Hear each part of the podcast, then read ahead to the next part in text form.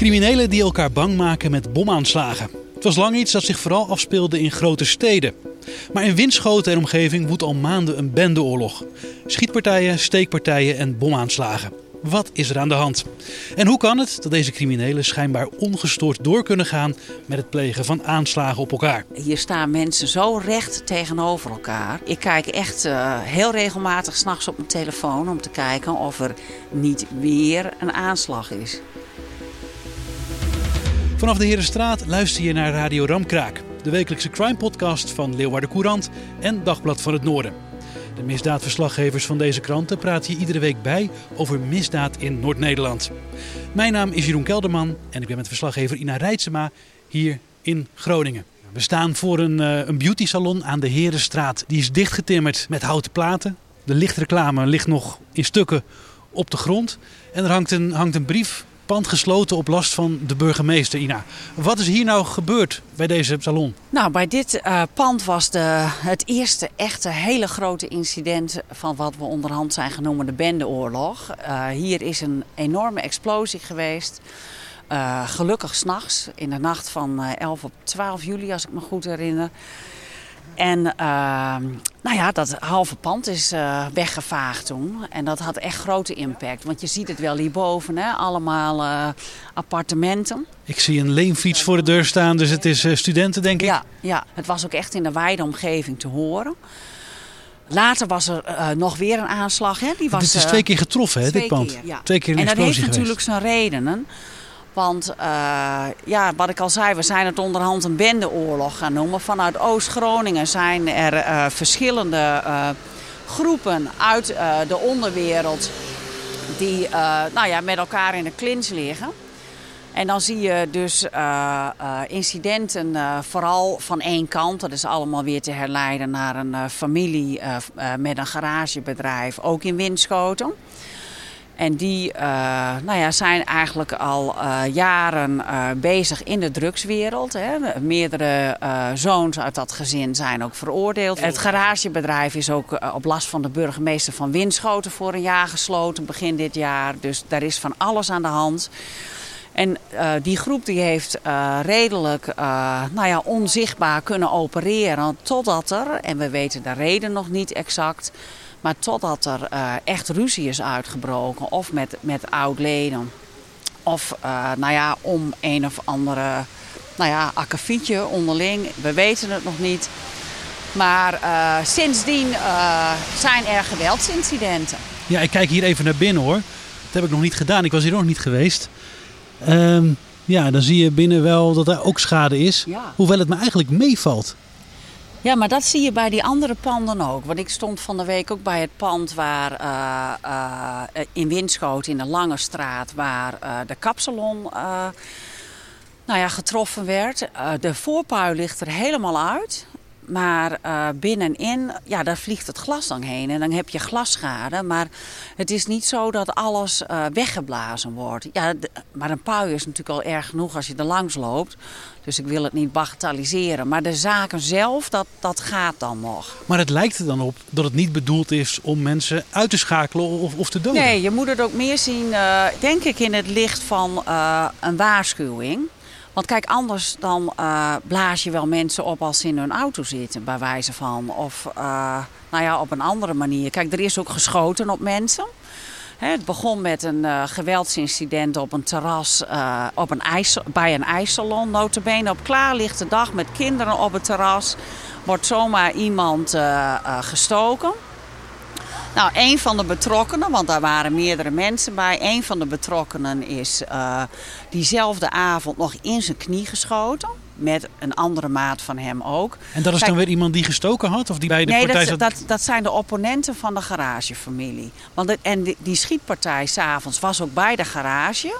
En daar zijn toen dus twee mensen in de knieën geschoten.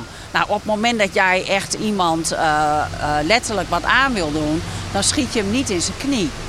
Dus uh, nou ja, je moet het toch zien in het licht van waarschuwen.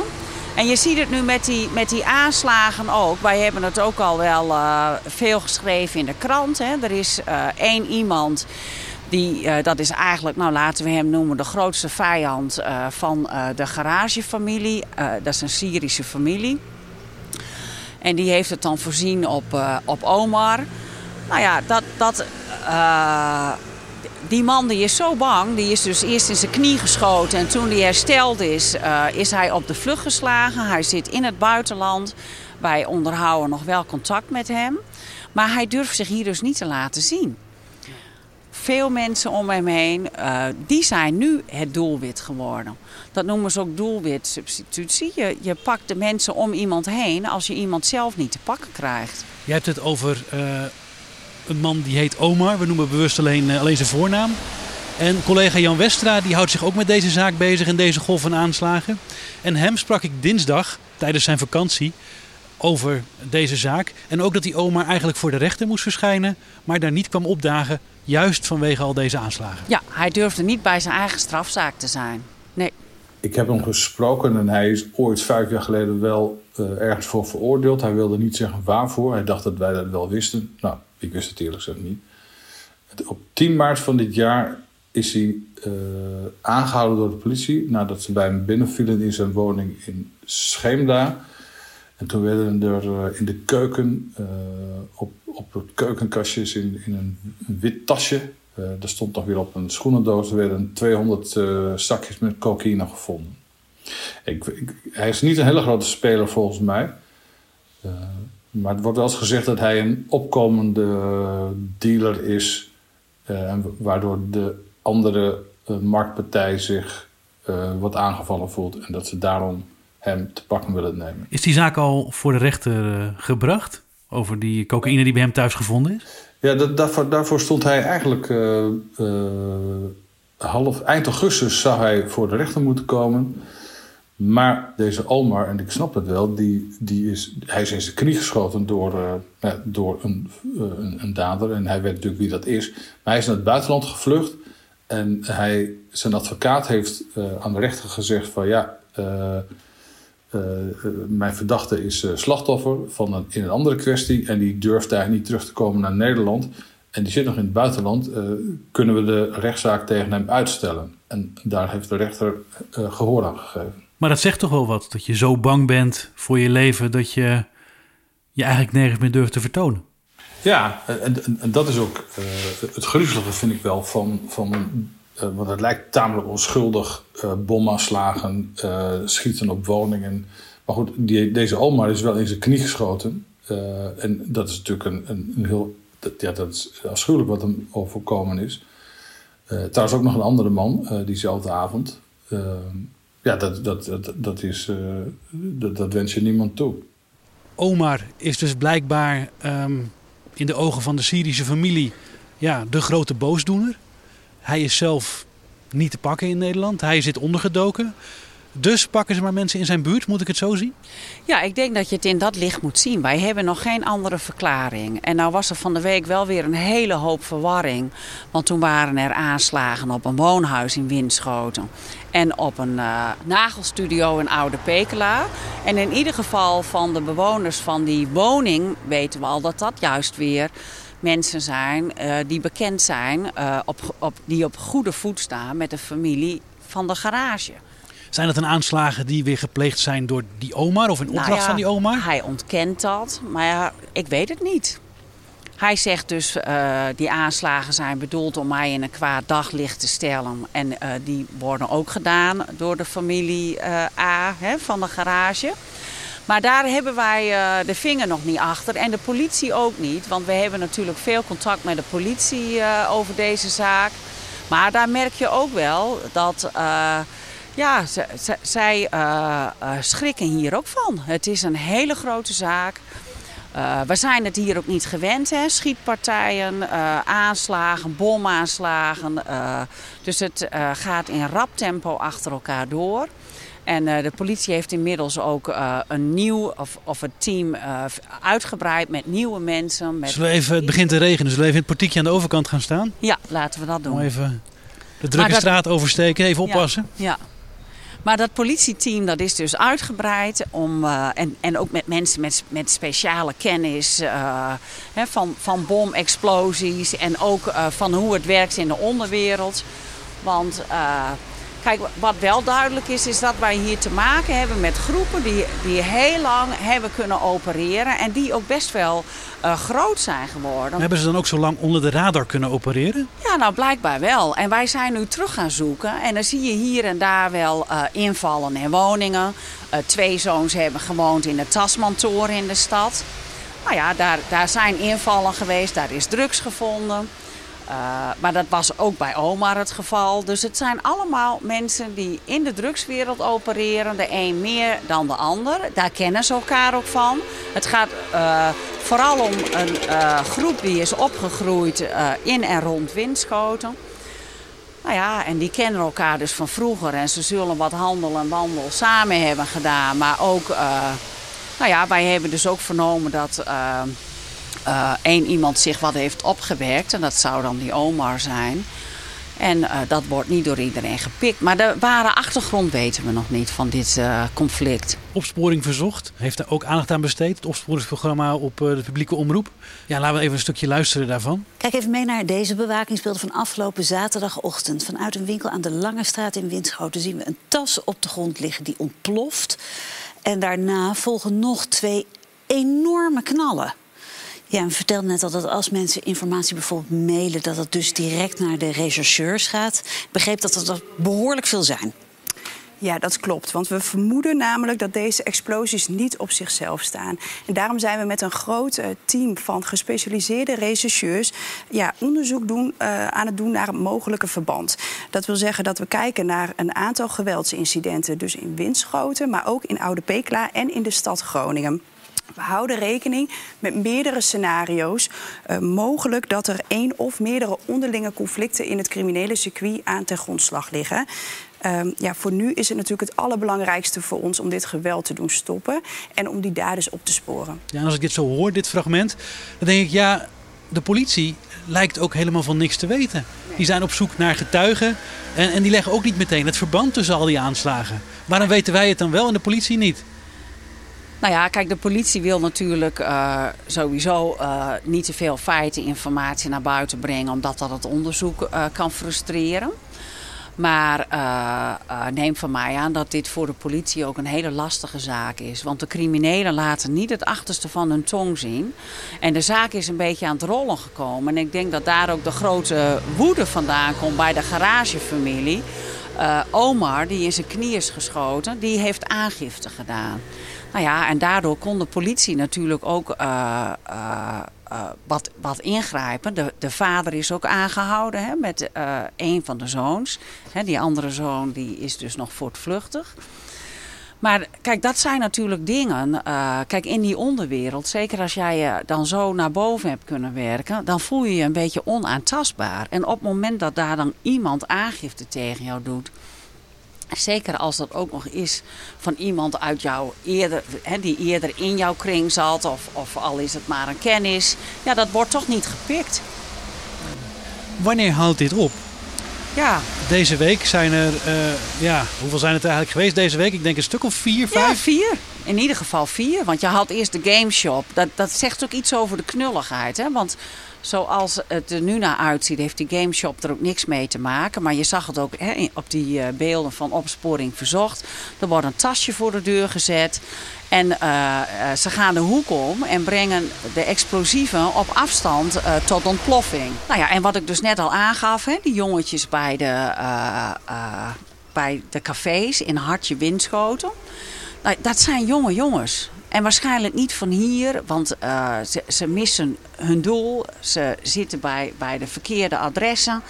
Nou ja, je zag toen zelfs een weigerachtig wapen. Dus het, het, het lukt ze gewoon niet. Het zijn jonge jongens met weinig ervaring. Ja, en die worden door zo'n bende ingehuurd voor het opknappen van de rotklussen. Laten we even een stukje luisteren naar Jan Westra, die hier ook wat over weet. Ook de, de aanslag afgelopen weekend op die gameshop.